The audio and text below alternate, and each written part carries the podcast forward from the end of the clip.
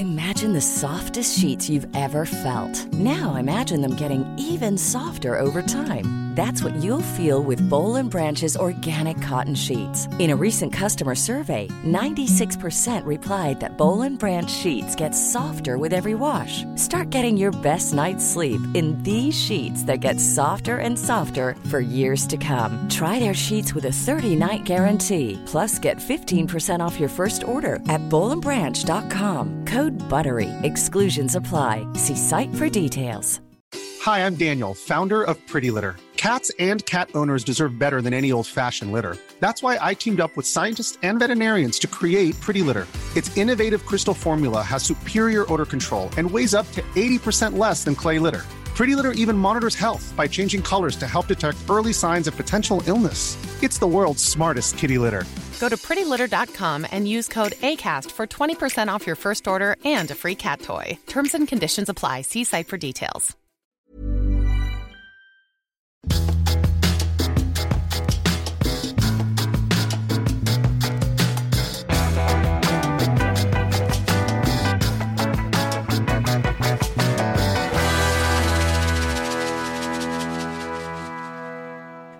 Morra, god morra, god morra.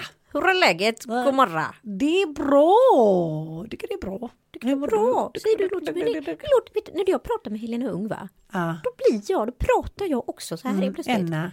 Enna.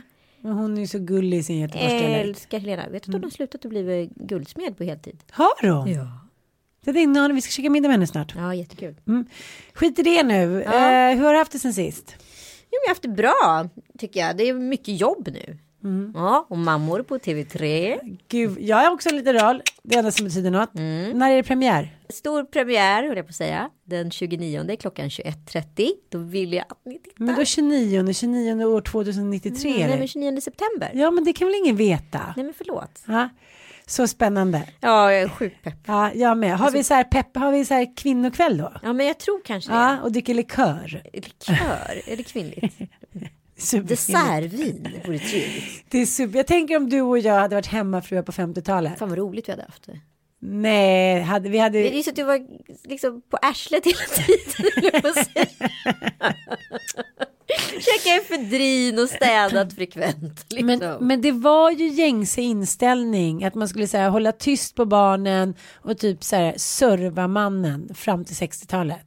Nej, jag hade nog, jag hade nog blivit svårt bisexuell, flyttat så här, rymt, blivit så här prostituerad, skrivit en bok, dragit till Marocko. Jag hade nog blivit Birgitta Stenberg. Är det så?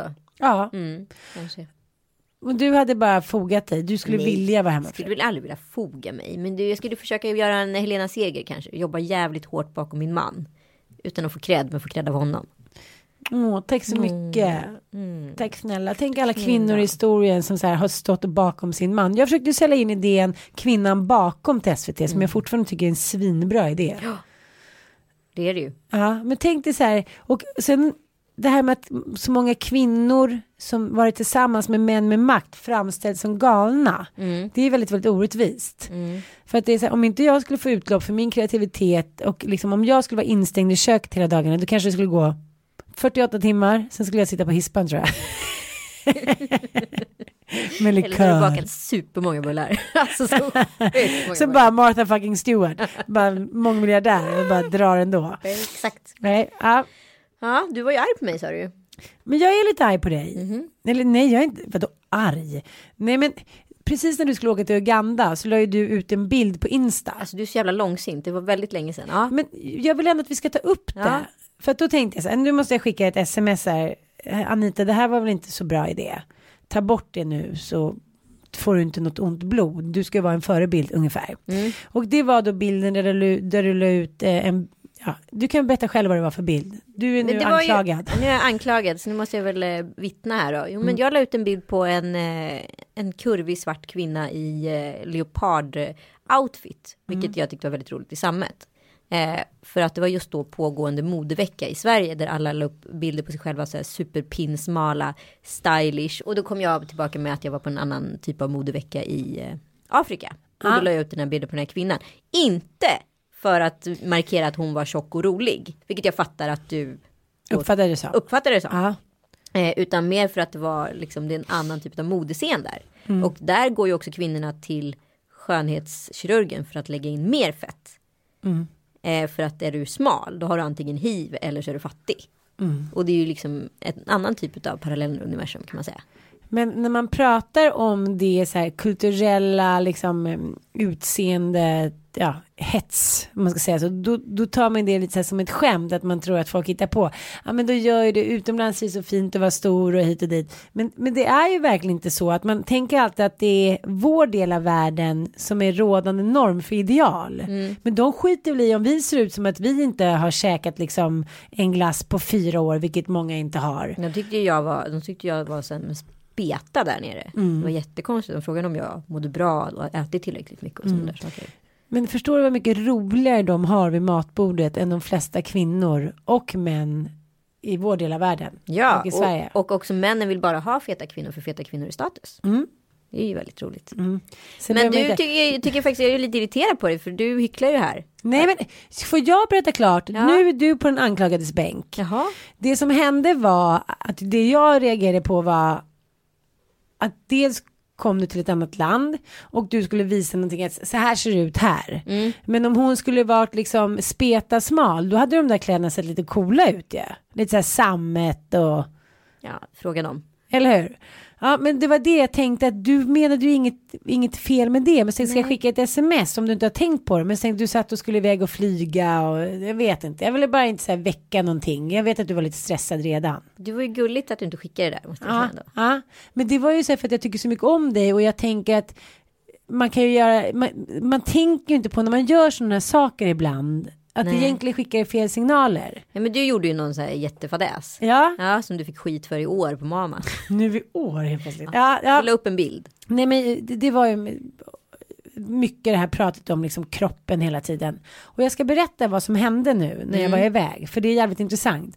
Men då la jag ut en bild eh, som var en tjej som hade shorts. En typisk amerikansk överviktig kvinna som hade jättekorta shorts. Och så liksom, ja men det föll över. Liksom fettman då. Men det sket ju hon i. Hon tyckte att hon var het. Och då med, skrev jag så här, ja men det är bra att vissa inte bryr sig om rådande normer, tycker ändå att de är fina. Och då gick folk bananas. Jaha, oh shit. Men då kan jag ändå tänka att jag skrattade ju åt henne. Alltså förstår jag menar? Min tanke var ju god, men mitt syfte blev ju fel. För att eh, jag la ut den bilden, det var ju liksom, den var ju menad som en humorbild, för den var ju tagen på ett hemligt sätt. Ja. Den hittade på nätet, så det blev ju raljant.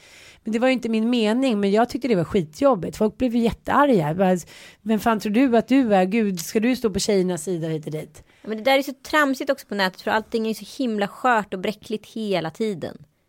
Jo, jag vet att det är det, men jag tycker ändå så här. Jag tycker ändå att man, man ska påminna varandra. Nu måste vi prata om, prata om Patrik Sjöberg igen. Och jag ber om ursäkt att jag gör det. Jag har ingenting emot honom. Men när jag går in på hans Insta. Patrik 242. 242 Patrik. Och det är mycket så här. Överst är det en bild på en man som har så här stånd och fast har kvinnokläder på stranden. Ja, Ja, Ja. okej. Ja. Ja men jag skrattar emot min vilja hela tiden. Jag satt och kollade med, med några kompisar på det här och jag skrattar ju hela tiden mot min vilja för att jag vet inte varför jag tycker att det här är kul. Eller det är inte kul men ändå så blir jag så nervös. Jag menar säg Män som sitter med sina hundar som de har som fruar och det är mycket så här kvinnor som har så här munnen full av massa korv. Den var inte så rolig. Nej, den, ja, den är faktiskt kvinnoförnedrande. Det måste jag erkänna. Eller den här.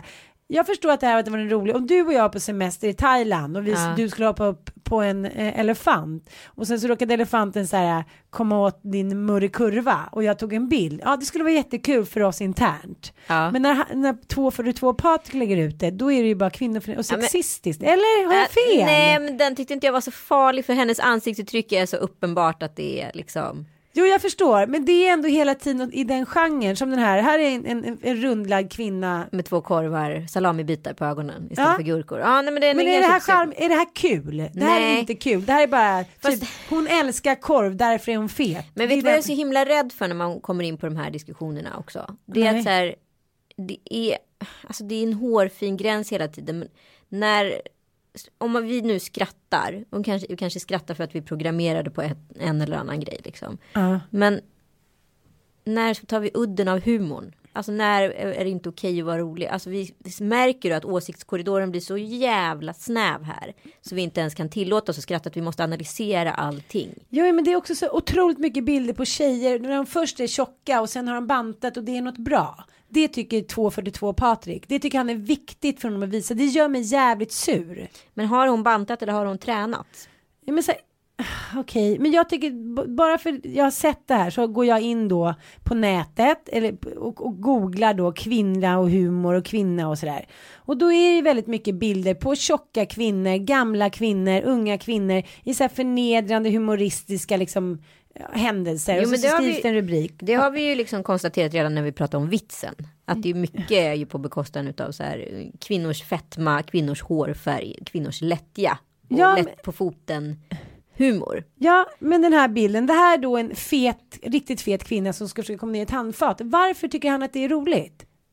Det vet Sluta jag inte. Vina och börja hoppa igen allt jag säger. Okej, nu är jag klar. Ja? Jag förstår vad du menar, men den här åsiktskorridoren, då är det så här, det enda man inte kan skämta om, det är typ incest och så här holocaust typ. Mm. Jaha, ja men. Inte incest är väl ganska roligt att skämta om. Varför, du, ja, Varför att jag bara är incestiserad eller vadå? Nej, men du vill ju inte ta upp det där med Uganda-snopparna. men alltså är det inte så här. Det här är på gränsen det vi pratar om. Vi ja, vet inte om det är för icke-politiskt korrekt. Men, men du vi... kan väl säga. Så här va. Ja, men jag har ju varit i Uganda nu och det är jävligt spännande på alla sätt och vis. Men en sak som var också väldigt så här chockerande spännande.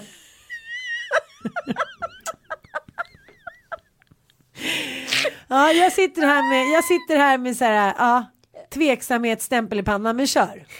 Var ju alla dessa oerhört välhängda små gossar med bara t-shirt, alltså tvååringar med en prinskorv mellan benen. Men kommer inte du ihåg när jag berättade för dig att jag hade läst Vetenskapens värld? Mm -hmm.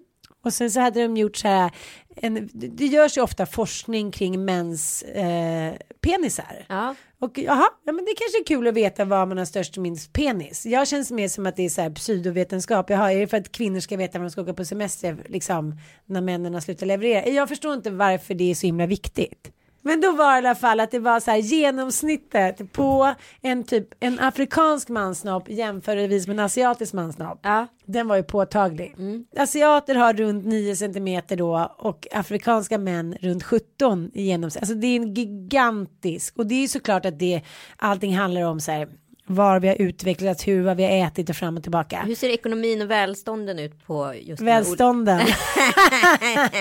eh, på de här olika platserna på jorden. Alltså en liten penis Anita kopplad till god forskar. ekonomi och en stor penis kopplad till dålig ekonomi. Vi lämnar den här kvasiförsöket till. Vi kan inte ha den här sista biten med. Så Nej, kan vi säga. Kan, eller kan vi det? Jag vet inte. Jag vet inte. Vi är kvinnor, vi kommer bli häcklade. Vi är inte Filip och Fredrik. Nej, jag vet. Okej, men vi gör det här som en chanstagning. Alltså det är riktigt låg nivå. Ja. Men vi ursäktar oss där. Ja. ja för men vi vet här... om det. Vi är medvetna jo, om det. Jo, men det är också så här tycker jag att manliga poddare får gärna prata om sånt som bara dyker upp i deras huvud. Mm. Och så här, att låtsas som att man bara tänker på så här, solidaritet, hur man älskade varandra på 1800-talet och så här plan Sverige. Det vore att liksom ljuga och det vore att vara så här kokett och låtsas att man är någonting man inte är. Mm. Och det tycker jag för övrigt att du är jäkligt bra på. Gullig du är. Mm. Att, ja men förstår jag menar. Jag kan ju vara lite så att jag inte vill erkänna vissa saker för att det jag tycker att det inte går, att det går stick i stäv med vad jag vill stå för. Alltså ur varumärkesperspektiv är det säkert mm. skitdåligt för mig att jag är så ärlig. Jaha, tror du? Men du är ju one of a kind. Är det så? Ja, enda Anita. Är det så? Ja, men jag tror att det är därför också du är populär. Jaha. För att det är någon som så här, vågar liksom, nu sitter inte du och blossar och krökar typ på din Insta längre, men, eh, men våga prata om hur det är. Många skapar sitt varumärke på skönhet eller kroppskontroll eller svalhet som liksom, men ta Karina Berg till exempel, hon har ju typ aldrig gjort en intervju. Nej. Det gör ju att hennes varumärke på grund av att hon är framgångsrik också, annars är det helt meningslöst. Mm. Att det var så här svårtillgänglig och sval och inte ha någon framgång, det är svårt.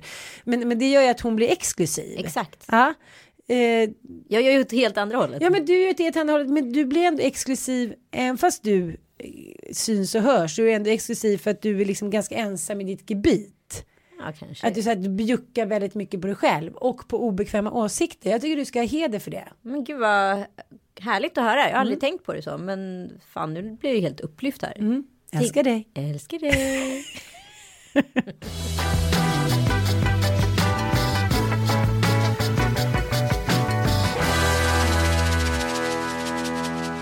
Alltså vi måste tänka, vi måste prata om en sak. Jag, Mm. jag, blir, jag kan inte sluta fascineras utav det här.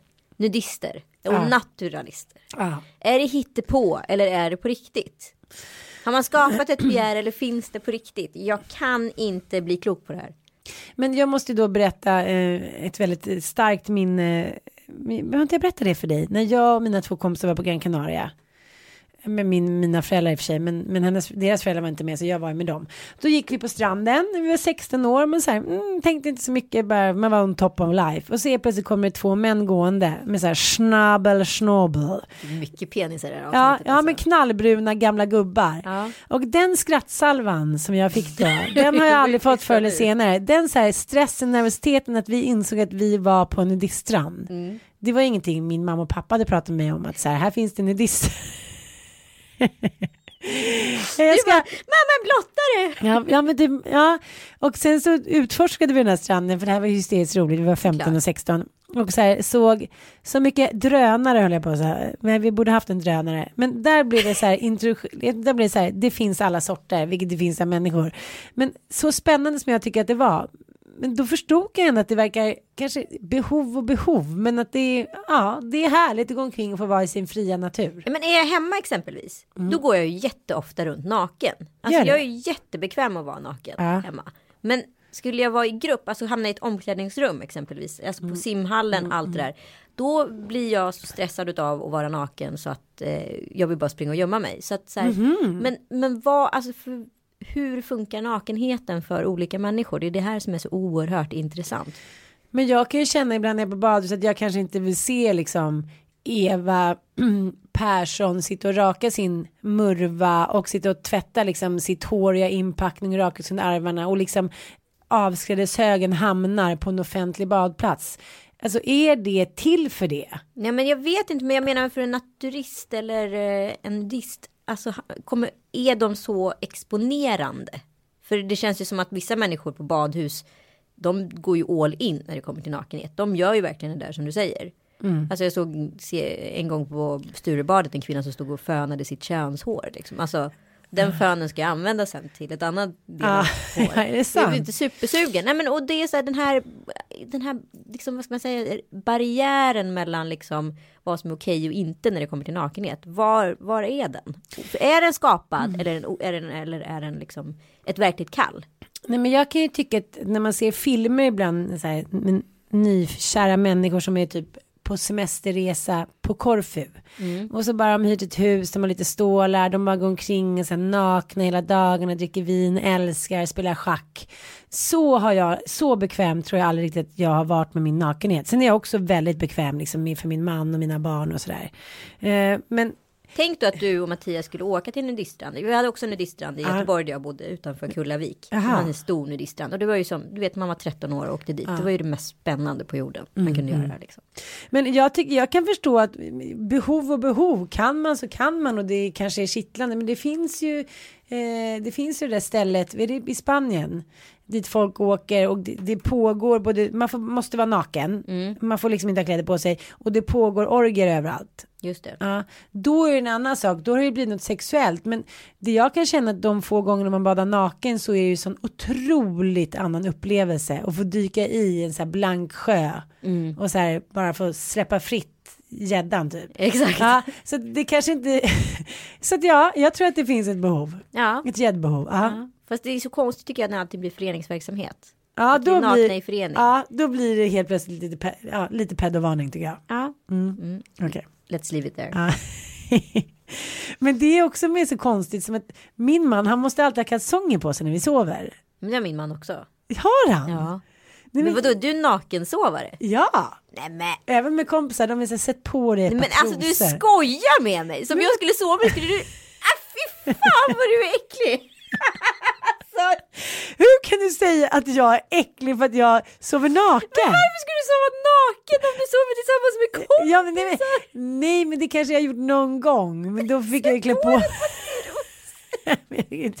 Så var naken om jag sov med dig. Det var min bästa kompis. Hon bara, Ann, klä på dig. Och du är därför du håller på att prata om att du och jag ska åka iväg på semester. Så bara kommer du krypa ner i dubbelsängen naken. Alltså jag skulle bli så stressad av det här. Nej, men jag tycker att det är mysigt. En kompis till mig, Martin, sa att, så att tjejer vi är så lyckliga när vi får vara nära er och så kan ni hålla på att sätta på er t-shirt och så här, kläder i sängen. Jag fattar inte det. Men jag har inga kläder i sängen. Jag har jag är naken under ett par pyjamasshorts. Ja. Och sen så har jag ett linne. Ja, men jag har ju också ofta trosor, men ibland är jag naken, men då känner jag mig skamfylld bara för att Mattias alltid har kalsonger. Jag tycker det blir så varmt där nere när man är naken. Alltså man förstår du? ju vilken så här källa utav energi det där Vilken är. hög nivå det är på den här podden. Alltså det är så jävla vass. Men varför är det då så kul? Som när liksom Lenny Kravitz byxor spricker. Alltså jag har kollat på den tio gånger. Det är ju det roligaste. Tio. Tio gånger. Gånger tio. Ja, jag vet inte. Men, men jag känner då att han tycker att jag så här, är typ Kerstin Thorvall för att jag inte sätter på mig trosorna efter till exempel om vi, om vi, om vi har haft sex. Ja. Om vi har haft våra tre minuters sex. Ja. och då så går man upp på toa lite så här och alltid när jag kommer tillbaka då ligger han full, man liksom Men det är Kalle med. Jag är så här, men har du klätt på dig igen? Ah, jag tyckte liksom att det är obehagligt och så här. Och då känns det lite som att vi utför typ en akt som är en arbetssituation för att så här maskin, alltså förstår du? Arbets, vad heter kläderna åker på direkt när så här, jobbet utfört. Jag tycker inte det känns chill. Förlåt, det här men kanske jag jag fattar, säga. jag fattar vad du menar. Ja. Ja. men jag kan också känna det där. Men samtidigt orkar jag ju inte ligga runt i det där äckliga klägget och mysa liksom. jag är ganska anal. Okej, saker. kan vi prata om nanofysik nu? Ja. jag ska bara berätta en skämskudde. Det hände nu för första gången. Jag kom ju hem. Att jag fick mens i sömnen. Alltså, Om det är den nivån den här podden är på. Så det... nej, men det hände nu att Penny kom på mig och Kalle. Mm. She walked in on us. Nej. Jo. Hemkomna från, hemkommen från Uganda och eh, ganska glad i hågen. Och vi kunde liksom inte hejda oss. Ska man Nej. säga så? Ja, det är Ja. underbart. Ja, och ja. Det, Kåtman slog på och vi liksom hoppade ner i bingen. Vi hade gjort en, det här var en riktig bolibompa liksom. Hon var liksom, låg där ute med paddan och sen så helt plötsligt bara, vad gör ni? Nej, och ni har så hög säng också så ni såg sängen. ingenting. Nej, men då har hon klättrat upp. Står liksom. Vi har liksom en sån här liten sängrigg eller vad man ska kalla det Ah, för. Det är en ah, ah. sån här himmelsäng. Jo, jag vet. Jo, då står de där. Vad gör ni? Ja, vad gör vi? Ah. Den frågan var ganska svår att besvara. Men en kompis berättade för mig om att hon hade råkat ut för samma sak. Då sa hon, jag masserar pappa. Mm. Och då hade hon bara så här, aha, okej. Ja. Nej men jag vill säga, åh jag är så glad att se pappa. Jag, inte, jag skuttar upp och ner. krama honom väldigt mycket. Jag, jag såg en kamel i Uganda. Testade jag hur det är att rida på den. På pappa. Åh, vi har väldigt roliga exempel på det här med Bolibompa-sex i mammor i alla fall. Så det får man inte missa. Ja, Nej, från det ena till det andra. ja, nej, det där är jobbigt och det kanske traumatiserar henne för resten av livet. Jag tror inte det. Hon verkade inte så påverkad. Men det var ändå liksom någon, man såg att någonting inom henne gick sönder. Ja. det var en spricka i kristallen. Ja, så kan man säga att det Ja. var. Men vi kan prata lite om barn för att sen nu har jag en ettåring som är inskolad på dagis, någorlunda inskolad, som så skriker som en, ja du vet när man ska gå iväg. Ah! Och det gör ju jätteont i mammahjärtat men jag måste ändå säga för varje barn, jag har faktiskt vant mig lite, lite mer. mindre ont. Ja, men häromdagen var ju Dante, hans bror med nio år, så hör man så här ut genom porten och så här mamma, mamma. Och det är det, Dante gick ju sönder. Och, jo, jag försöker förklara så här, det är ingen fara när vi har kommit iväg och nu en stund så, så um, kommer det bli bra. Så ser man de här första gångs mammorna och papporna som är så här. Sitter och andas. Ja, ja, vad man än, ja men var det så här allting ändå förändras. Ja. Och det kan jag också känna nu inför det här bröllopet som jag helt enkelt tjatar om.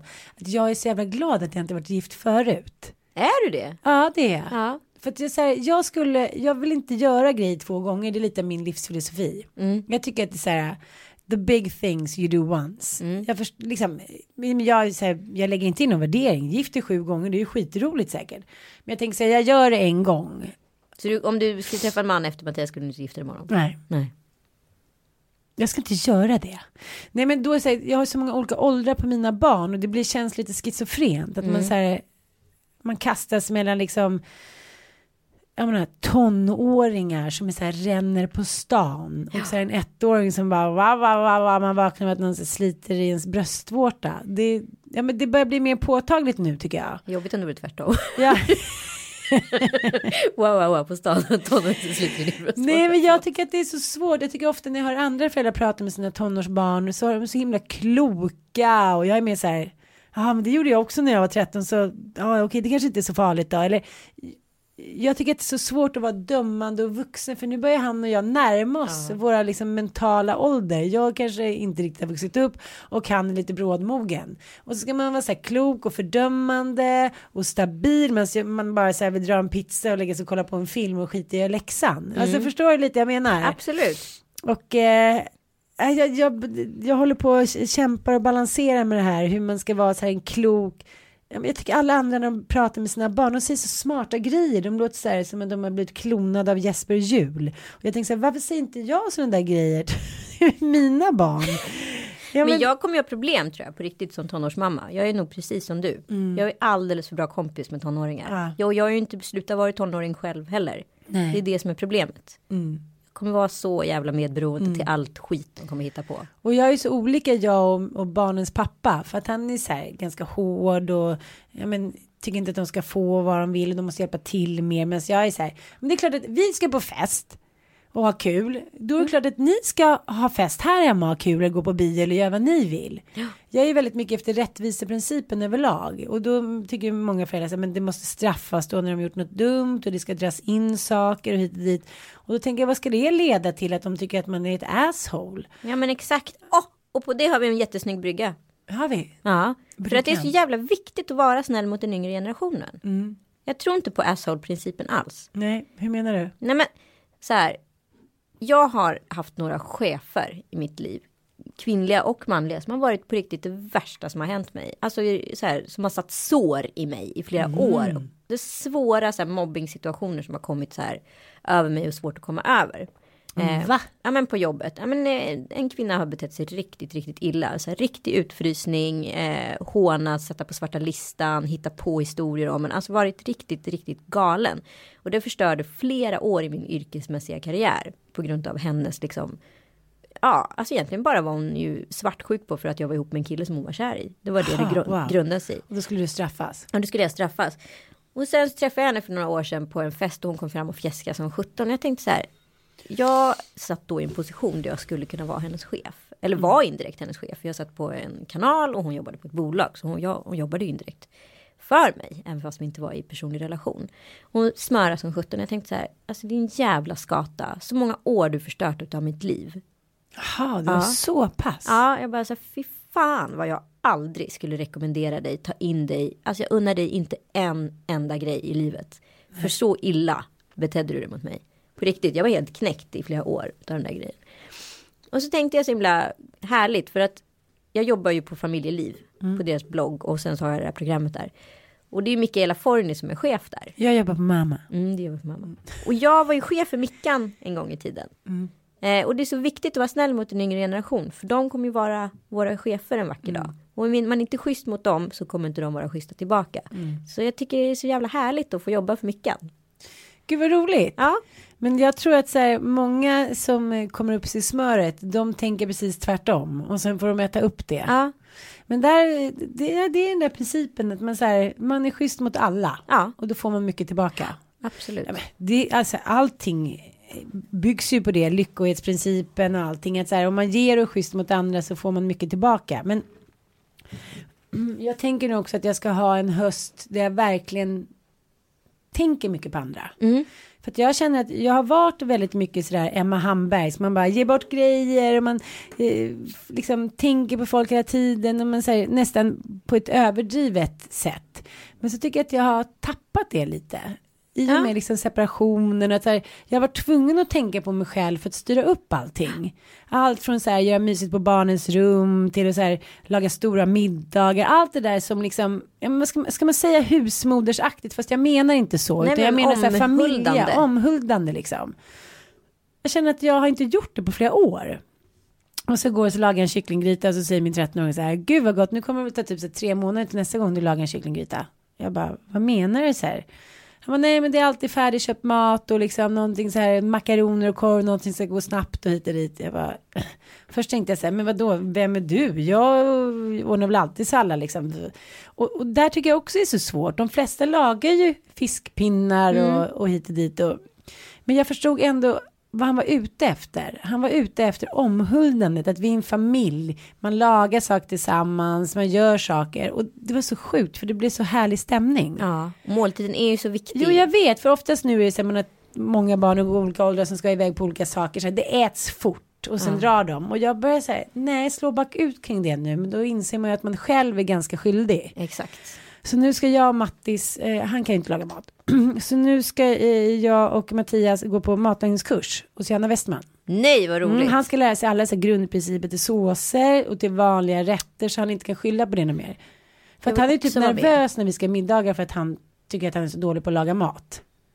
Kalle lagar all mat hemma. Jag, jag vet, han är underbar, men, men det jag menar är att det handlar inte om någon husmorsgrej, men att man tillsammans, till exempel när man är i en ny familj också, där alla inte har hållit ihop, så känns det som att det är väldigt viktigt att man säger tar tid för barnen också. Jag tycker så här, men de tycker det är härligt, de får lite pengar, köpa pizza, köpa med thai hit och dit.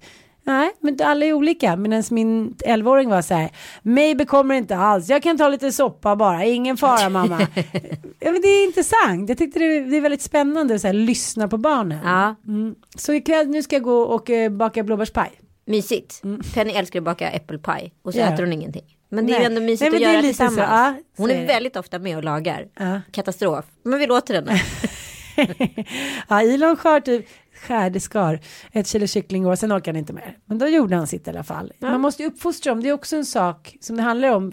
Nu låter det så löjligt, men när man har pojkar, de har det mycket lättare ute i samhället överlag. De kommer undan med både det ena och det andra liksom. Jag vill inte att de ska säga bortskämda brats som sitter och så här, pillar sin näsa med deras, med deras tjejer lagar mat och städar runt. Så, Nej, de ska nej. fan få hjälpa till. Ja, det är värre än vad man tror där ute. Verkligen. Mm. Med det sagt, tack för idag. Puss och kram. Puss puss. Älskar er. Älskar er.